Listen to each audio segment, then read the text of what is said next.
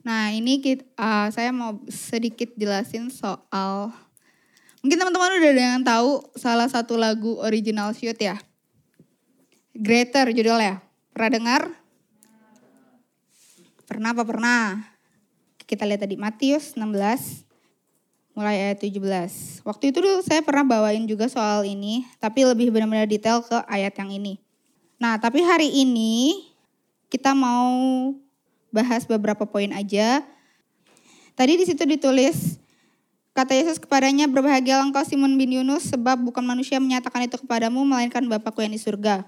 Dan aku pun berkata kepadamu engkau adalah Petrus di atas batu karang ini aku akan mendirikan jemaatku dan alam maut tidak akan menguasainya. Kepadamu akan kuberikan kunci kerajaan surga, apa yang kau ikat di dunia ini akan terikat di surga dan apa yang di dunia ini apa yang kau lepaskan di dunia ini akan terlepas di surga. Jadi uh, beberapa hari yang lalu saya doa terus saya nanya uh, Tuhan mau sampaikan apa nih. Terus tiba-tiba setelah saya tanya itu saya juga nanya Tuhan apa sih yang Tuhan lihat dari gerejamu? Gere, seperti gereja seperti apa yang Tuhan mau lihat gitu. Akhirnya Tuhan kayak ingetin saya uh, beberapa tahun yang silam gitu. Uh, beberapa tahun yang silam gimana saya uh, mulai kenal sama gerejanya di tempat di mana saya kenal gerejanya ya salah satunya di sini gitu, di komunitas ini, di shoot ini, di gereja ini yang tadinya berupa komunitas ya maksudnya secara badan sekarang udah jadi gereja gitu. Kayak Tuhan ingetin, waktu itu apa sih yang bikin kamu uh, tertarik gitu loh? Apa yang bikin kamu bisa pas sudah datang? Nah habis itu di sini ditulis, Jesus came back, God bless you Simon, son of Jonah. You didn't get that answer out of books or from teachers. My Father in heaven, God Himself, let you in on the secret of who I really am, and now I'm going to tell you who you are. You are Peter, a rock. Nah, di bagian sini sih yang mau saya jelasin. This is the rock on which I will put together my church. A church so expensive with energy.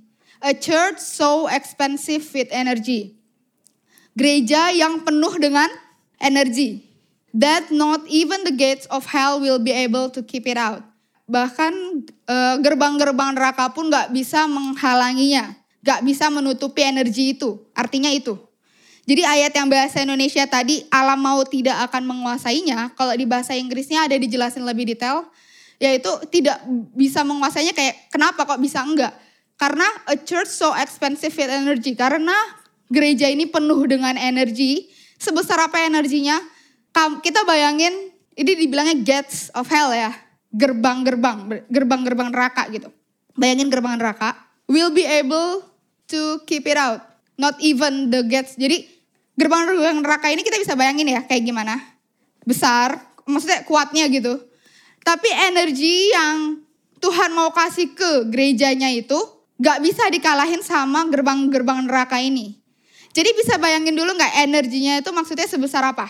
Jadi yang saya dapat, wah Berarti Tuhan mau kasih energi yang besar. Energi yang besar dari surga nih.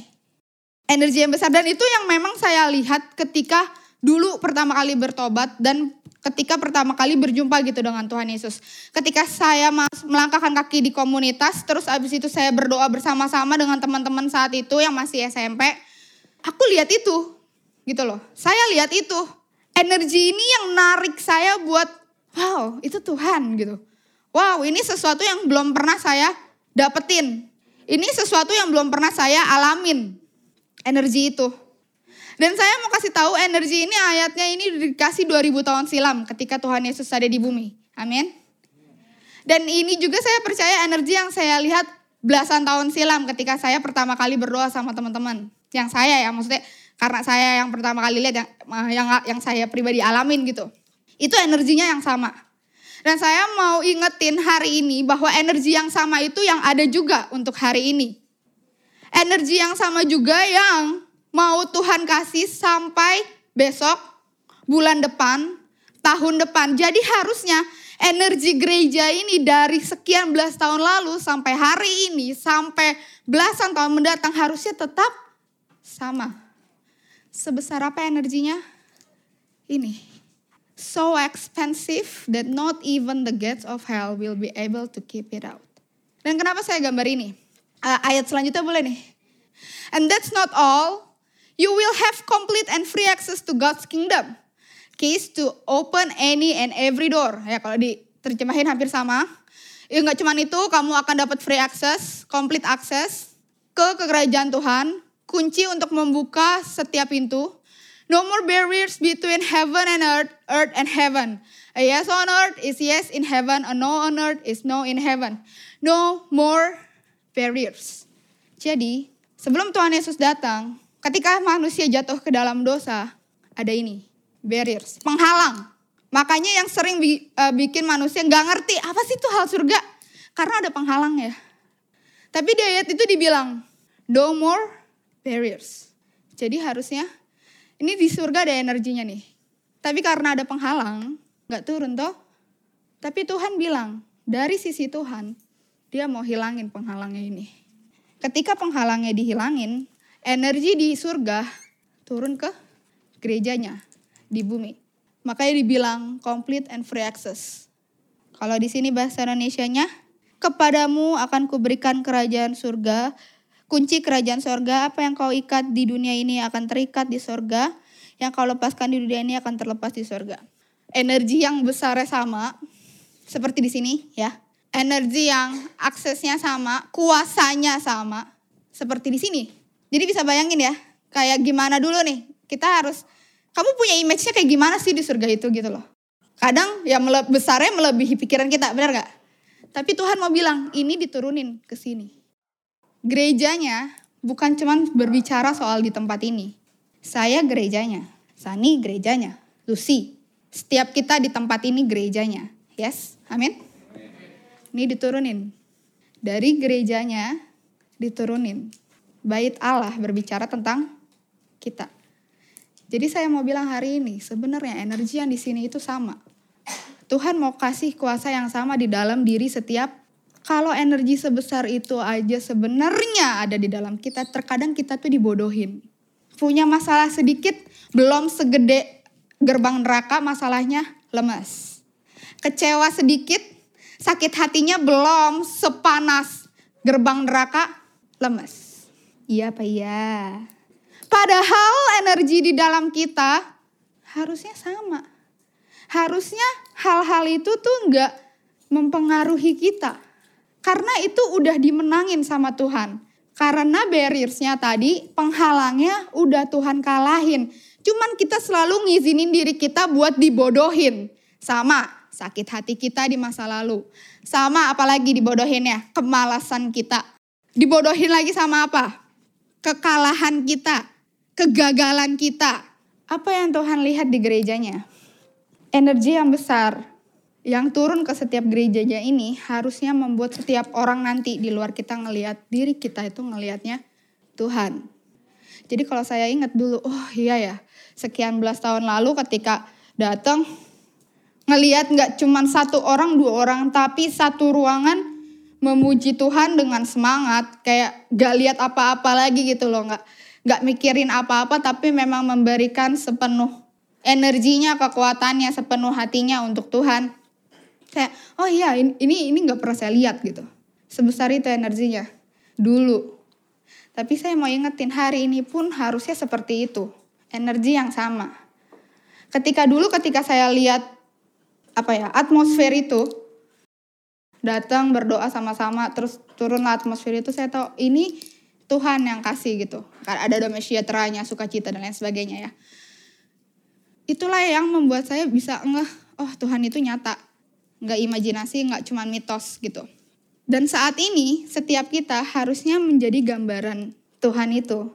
Energi yang kita punya sekarang ini harusnya ketika orang lain lihat, yaitu orang itu akan melihat Tuhan. Makanya kenapa saya buat gambar ini? Maksudnya Tuhan mau ingetin kita, setiap kita di tempat ini, Janes, Jenny, William, semuanya dari depan sampai ke belakang. Harusnya setiap kita ketika orang lain lihat di luar, mereka lihat Tuhan Yesus. Ketika kita ada di luar, orang lihat pengharapan. Ketika kita di luar, orang lihat kekuatan. Bukan diri kita, tapi Tuhan Yesus. Gitu. Jadi Tuhan mau ingetin bahwa jangan mau dibodohin lagi gitu. Diri kita.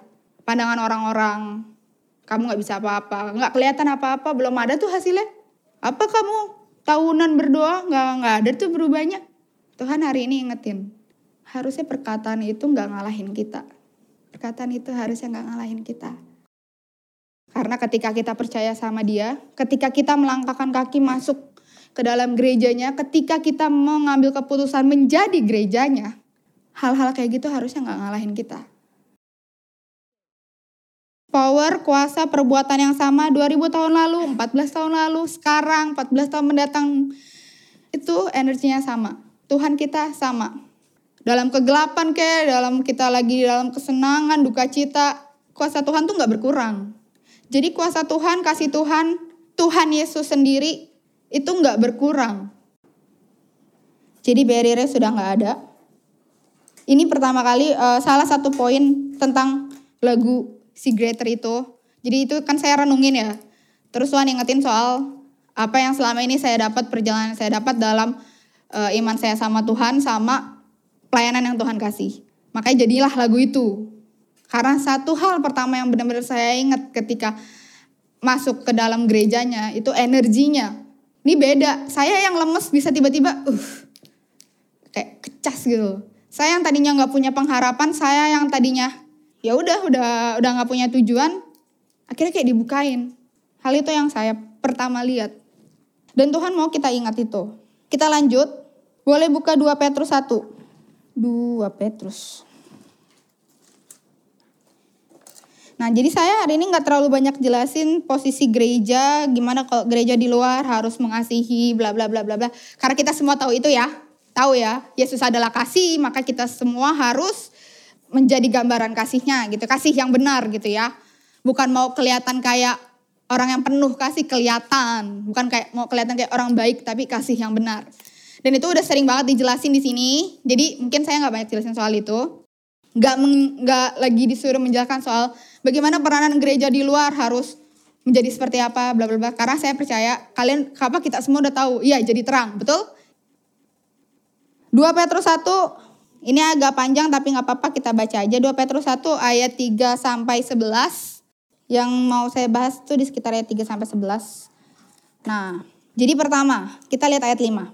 Justru karena itu kamu harus dengan sungguh-sungguh berusaha untuk menambahkan kepada imanmu kebajikan dan bla bla bla bla banyak ya. Itu nanti kita bahas di poin berikutnya. Yang pertama saya mau gariskan dulu tentang justru karena itu kamu harus dengan sungguh-sungguh berusaha. Katakan sungguh-sungguh berusaha. Sungguh-sungguh berusaha. Sungguh-sungguh berusaha menambahkan apa? Iman. Ternyata iman harus ditambahkan. Ternyata iman gak boleh cuman dibiarinin aja. Hari ini aku ambil keputusan percaya sama Tuhan Yesus. Aku beriman kepada Tuhan Yesus.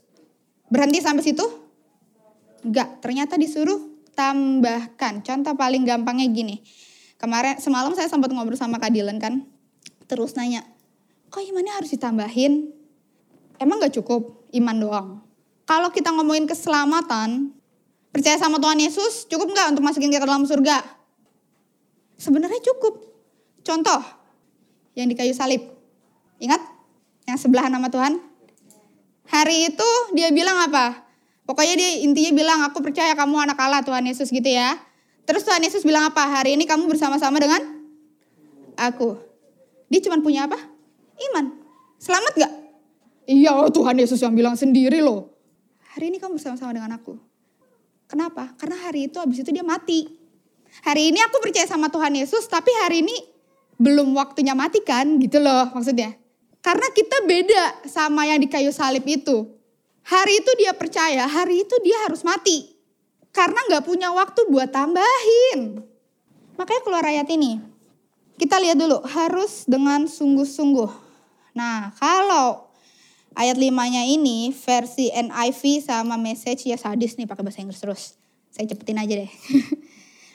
Yang tentang harus dengan sungguh-sungguh itu dibilangnya make every effort atau upaya. Ini saya tambahin di sini dulu ya.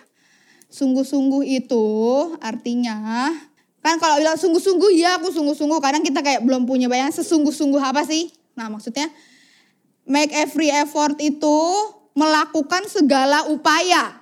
Melakukan segala upaya. mikir banyak cara sama kayak kita kejar kerjaan kita, sama kayak kita kejar hobi kita. Mikir kan? Aku punya target ini. Gimana ya aku bisa? Betul? Kita berupaya tapi buat kenal Tuhan, usahanya kecil. Maunya disuapin. Nyalahin Tuhan terus. Nyalahin pendetanya, gembala, semua. Tapi dari kita nggak ada upaya. Buka Alkitab aja males. Berdoa kalau ingat pas makan. Segitu upayanya. Dengan upaya segitu percaya apa enggak? Yakin gak iman kita itu bertahan sampai nanti kita di garis akhir? Alias mati. Kita enggak kayak yang disalib itu di sebelah Tuhan Yesus. Hari itu dia dibilang, saya beriman padamu Tuhan.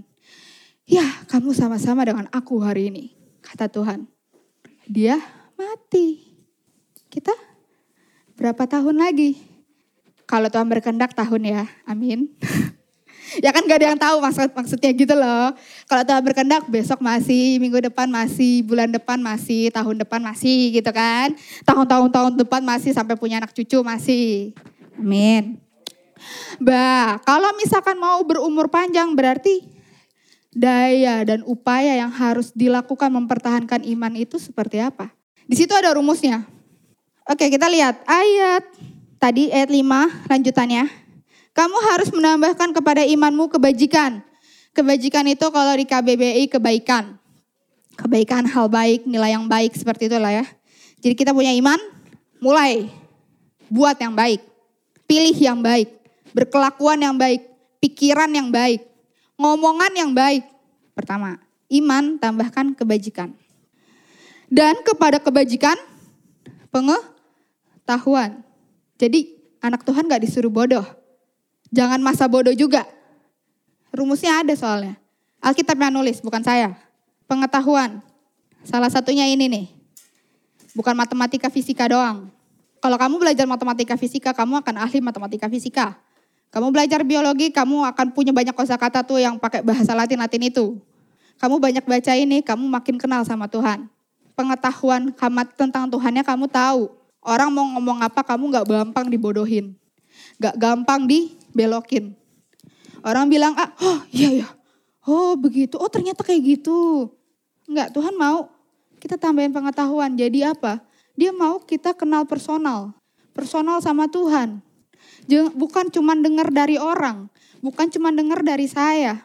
Dari Kadilan, dari Kokris. Atau dari pendeta-pendeta lain di Youtube. Tuhan mau setiap pribadi kita kenal dia personal. Jadi apa? Kalau ada yang kasih tahu Tuhan Yesus begini begitu, kamu nggak gampang digoyangin. Kamu kamu tahu pasti siapa dia. Ada orang misalkan ada yang ngomongin Kak Denis. Si Sevi tahu nggak? Kok Denis tuh begini begini begini begini. Wes. Tapi gue tahu dia jarang ketemu Denis gitu loh. Perasaan seringan gue yang kenal Denis. Kok ini orang lebih tahu soal Denis gitu. Sama sama Tuhan juga. Lihat siapa yang ngomong. Lihat dia kenal gak sama Tuhan. Ngomongin negatif lagi soal Tuhan. Ya kenal aja kagak gitu kan. Tambahkan imanmu kebajikan. Dan kepada kebajikan pengetahuan. Dan kepada pengetahuan penguasaan diri. Self controlnya uh, artinya banyak sih. Bagi setiap pribadi mungkin beda-beda. Penguasaan diri entah itu soal hmm, emosi, penguasaan diri soal hobi, kesukaan, kesenangan, ya misalkan hobi uh, main futsal. Ya kan dari Senin sampai Senin main futsal terus. Gak bisa dikendaliin. Itu salah satunya. Tapi banyak sih soal penguasaan diri ya. Tapi kurang lebih ngerti kan ya maksud dari penguasaan diri. Tentang emosi, misalkan kalau ada yang mancing marah nih, uh mau ngomong apa gitu kan, itu penguasaan diri tuh. Nah itu disuruh tambahin. Jadi bukan soal iman doang. Lalu ketekunan. Anak Tuhan banyak yang kalah di sini nih. Karena ketekunan itu penilaiannya cuma satu, waktu. Ketekunan itu waktu. Berapa lama kamu bisa endure, berapa lama kamu bisa jalanin tekun. Kayaknya gini-gini aja gitu kan. Kayaknya gak ada perubahan, aku udah doa nih, udah sujud syukur, tiga tahun dengkul berdoa, papa mamaku kayaknya gono-gono aja. Bagaimana ya Tuhan? Habis soal ketekunan ada kesalehan, habis kesalehan ada kasih. Saleh juga sama lah ya. Jadi teladan, hidup yang benar gitu kan. Kasih, ya ini juga rata-rata udah tahu ya. Maksudnya kasih dari Kristus, beri, kita kasih akan saudara-saudara, dibilangnya di situ, habis itu kasih kepada yang di luar. Makanya saya nggak banyak jelasin soal kasih. Intinya, iman kalau kita masih hidup nih harus ditambahkan. Kecuali kamu kayak yang disalib bareng Tuhan Yesus. Kenapa? Karena saya percaya Paul Petrus di sini tuh enggak perjalanannya itu loh. Makanya Tuhan bilang, akankah ku dapati iman di bumi. Sini rumusnya. Tapi nggak ada angka. Jadi puji Tuhan rumusnya nggak ada angka, cuma huruf doang. Iman, kebajikan, penguasaan diri, mohon maaf tulisannya nggak bagus. Ketekunan, kesalehan, dan kasih. Hasilnya, apa dibilangnya? Giat dan ber, uh, di ayat 8. Sebab apabila semuanya itu ada padamu dengan berlimpah-limpah. Semuanya itu apa maksudnya? Ini semua dong. Ya. Ngerti ya? Di ayat 8. Sebab apabila semuanya itu ada padamu dengan berlimpah-limpah. Sebab apabila nih semua ada di dalam kita berlimpah-limpah. Kamu akan dibuatnya. Lihat nyanya. Dibuatnya. N-Y-A. Nyanya itu Kecil atau besar? Kecil atau besar? Kecil. Dibuatnya. Berarti bukan Tuhan loh. Dibuatnya ini maksudnya. Dibuat, jadi hal-hal ini akan bikin kamu giat dan berhasil kenal Tuhan Yesus. Tuhan Yesus yang buat nggak supaya kamu kenal sama Tuhan Yesus?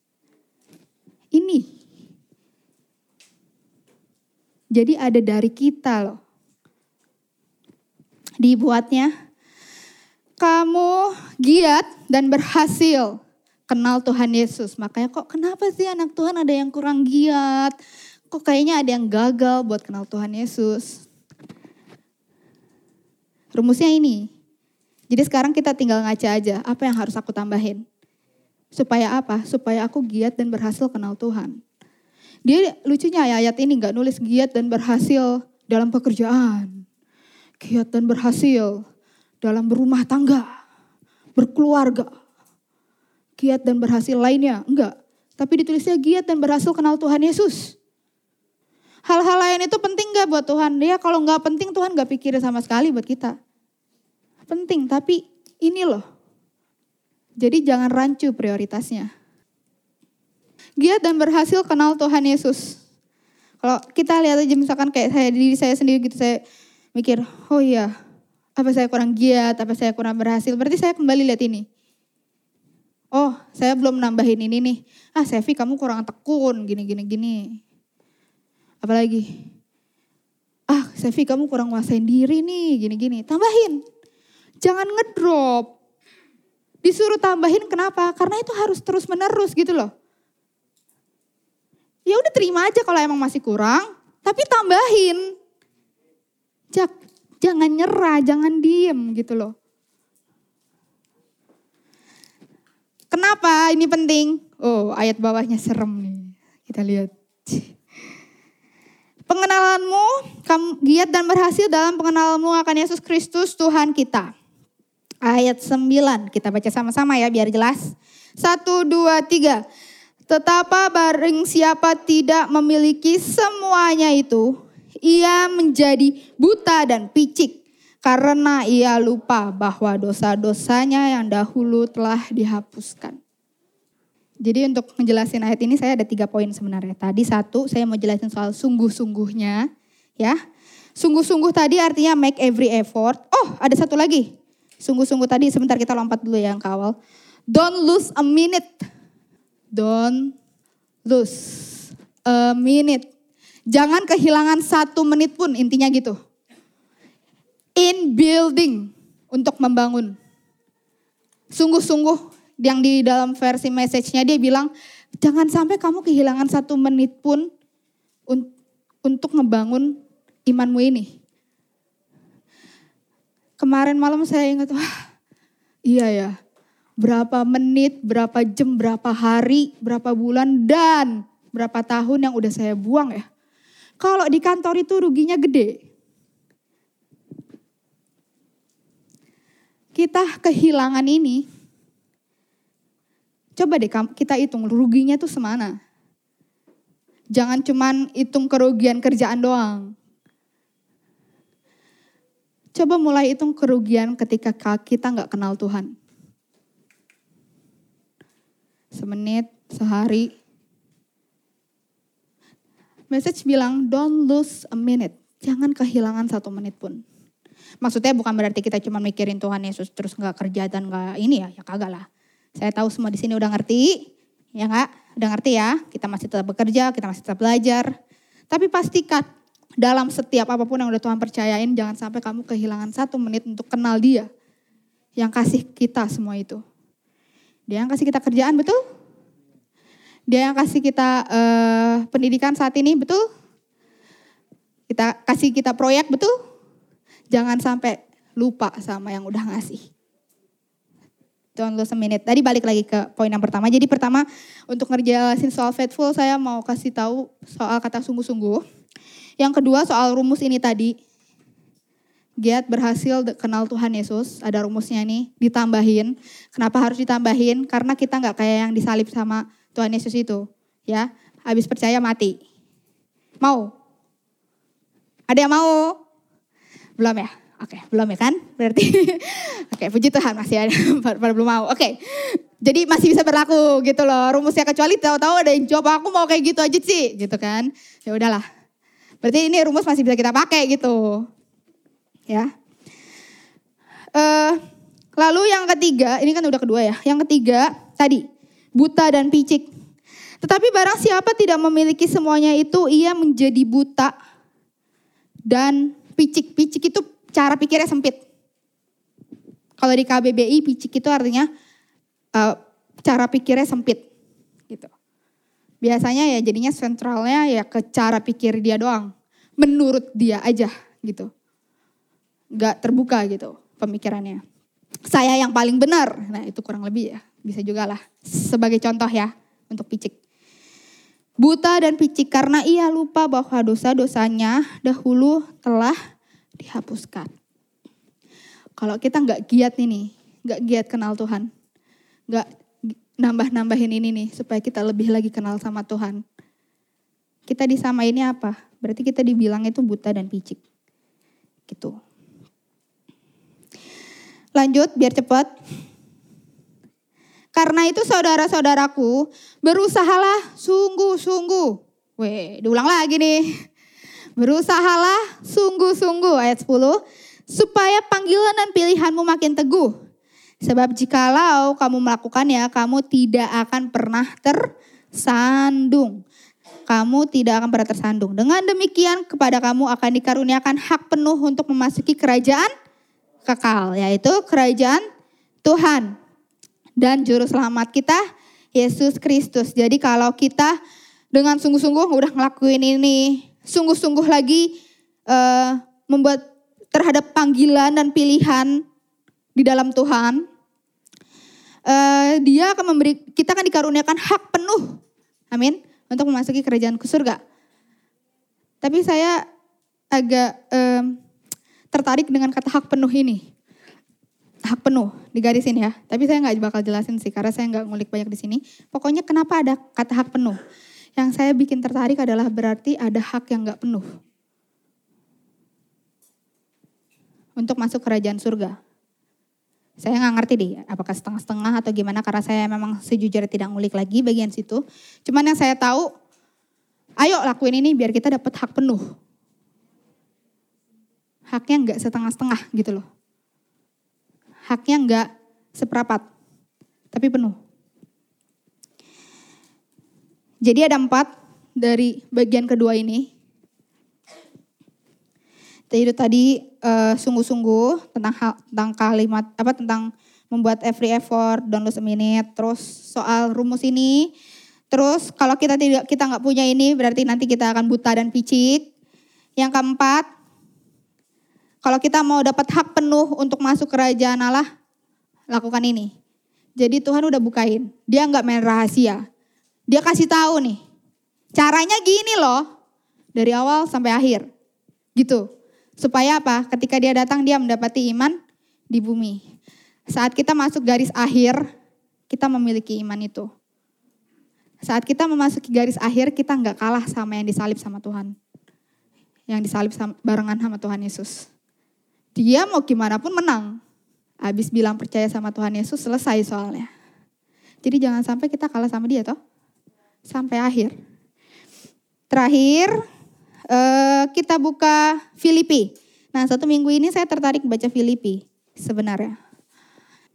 Apa yang saya lihat, apa yang Tuhan lihat, yang Tuhan sampaikan tentang gerejanya. Satu, full of energy. Energy. Yang membuat kita bisa bergerak.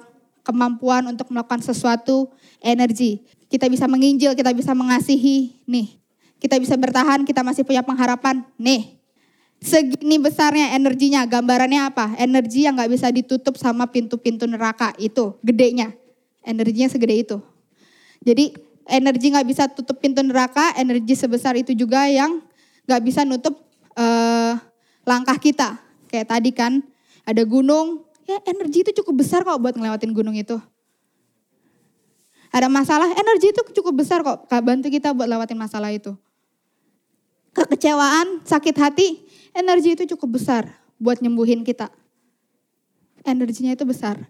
Dari surga turun ke gerejanya, turun ke setiap gerejanya.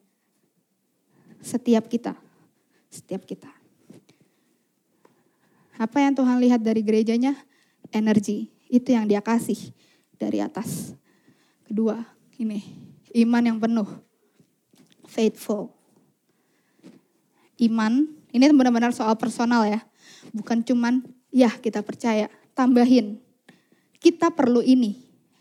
Perlu lakuin rumus ini supaya kita bisa giat berhasil kenal Tuhan Yesus. Kenapa ada yang kurang giat, ada yang kurang berhasil? Kurang nambahin aja, intinya itu. Sekarang kalau udah tahu kita masih kurang, ayo tambahin. Ya kan?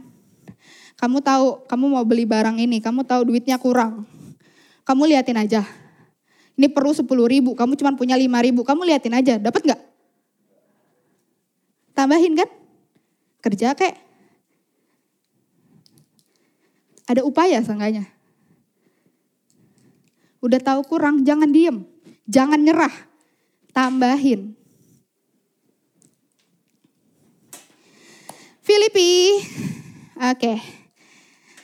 Supaya nggak terlalu lebar, ini bisa-bisa baca satu kitab. Oke, okay, kita mulai dari Filipi 1 ayat 6. Hal ketiga ini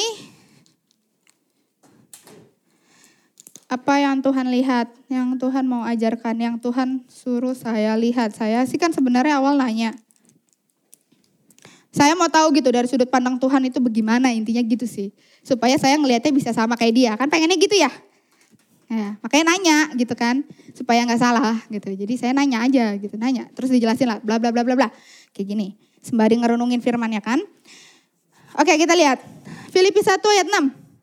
Akan hal ini aku yakin sepenuhnya yaitu ia, i-nya besar berarti Tuhan, yang memulai pekerjaan yang baik di antara kamu akan meneruskannya sampai pada akhirnya pada hari Kristus Yesus.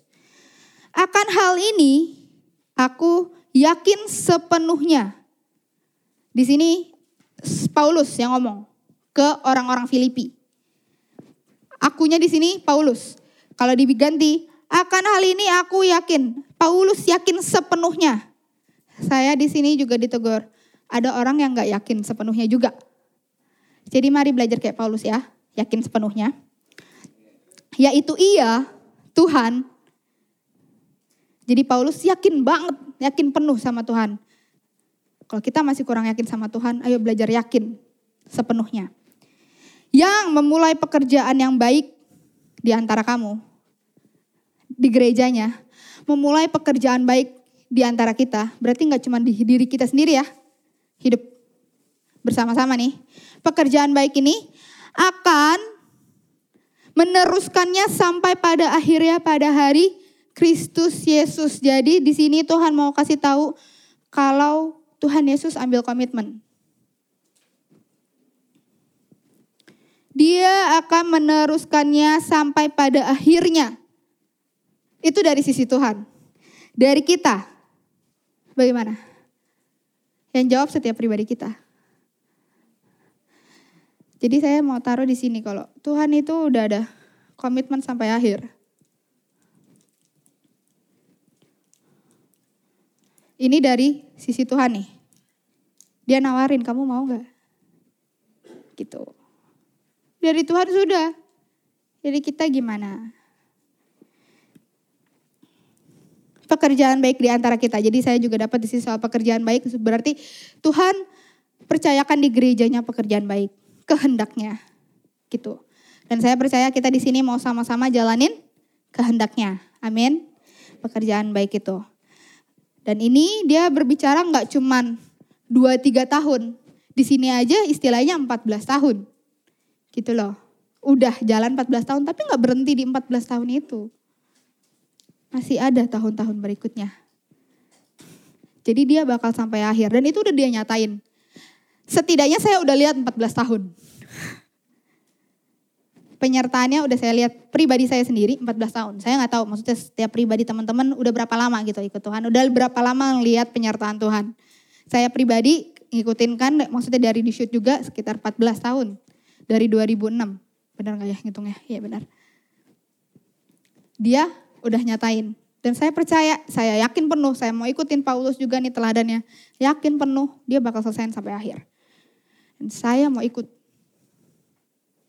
Masa iya saya biarin Tuhan Yesus sendiri? Sampai akhir.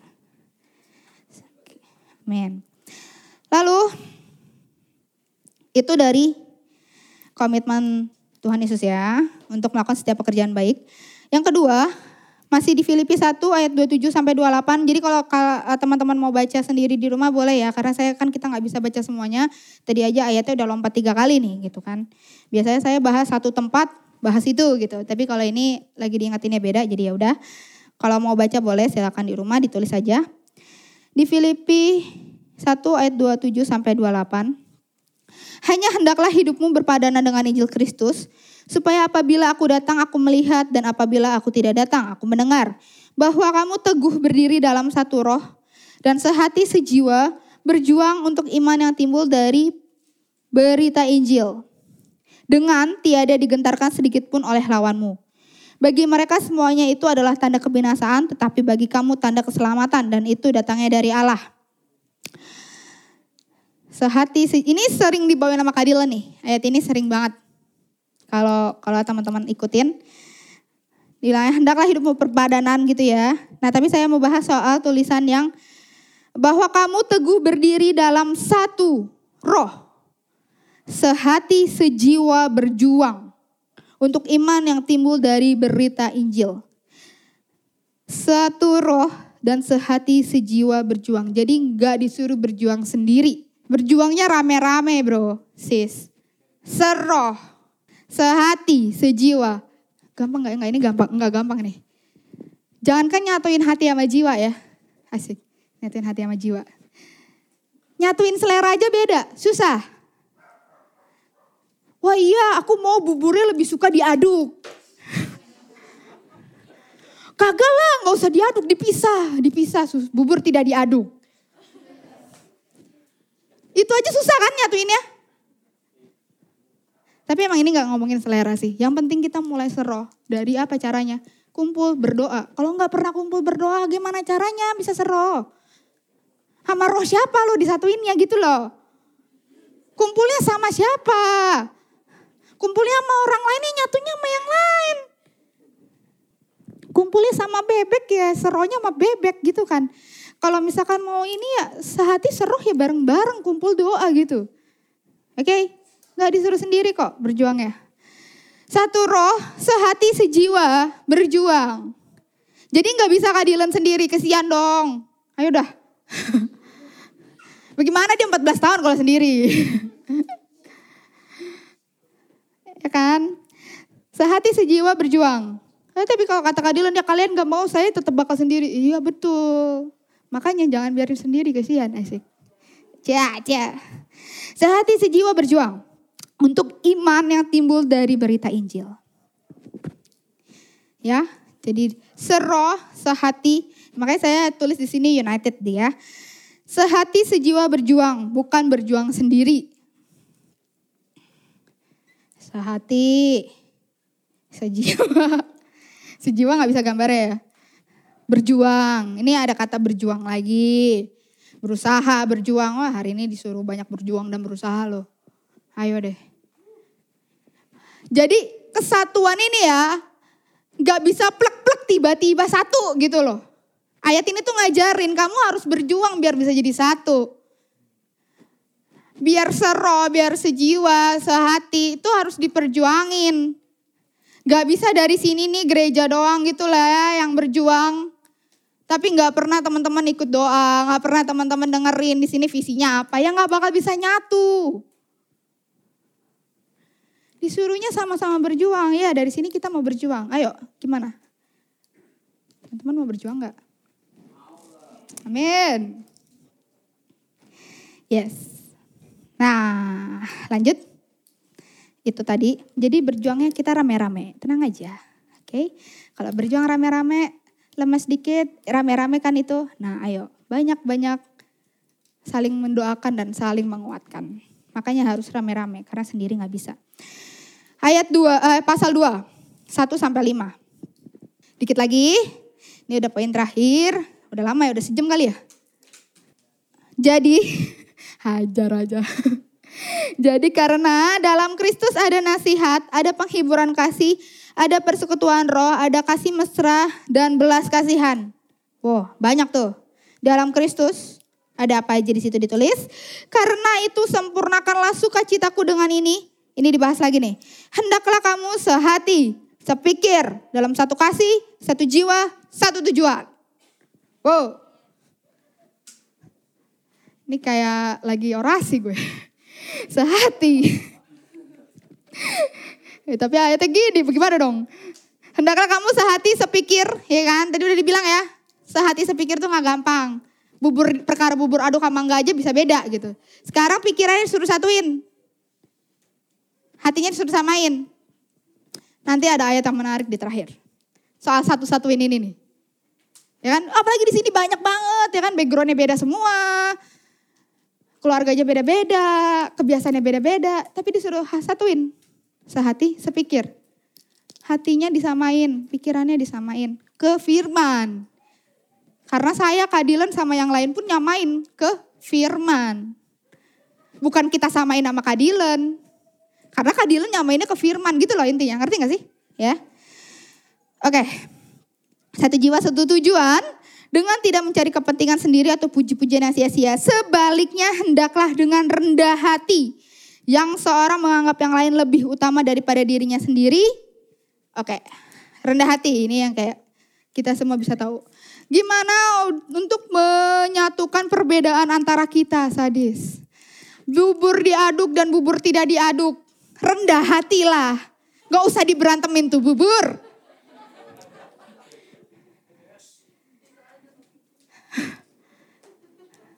ya, rendah hati.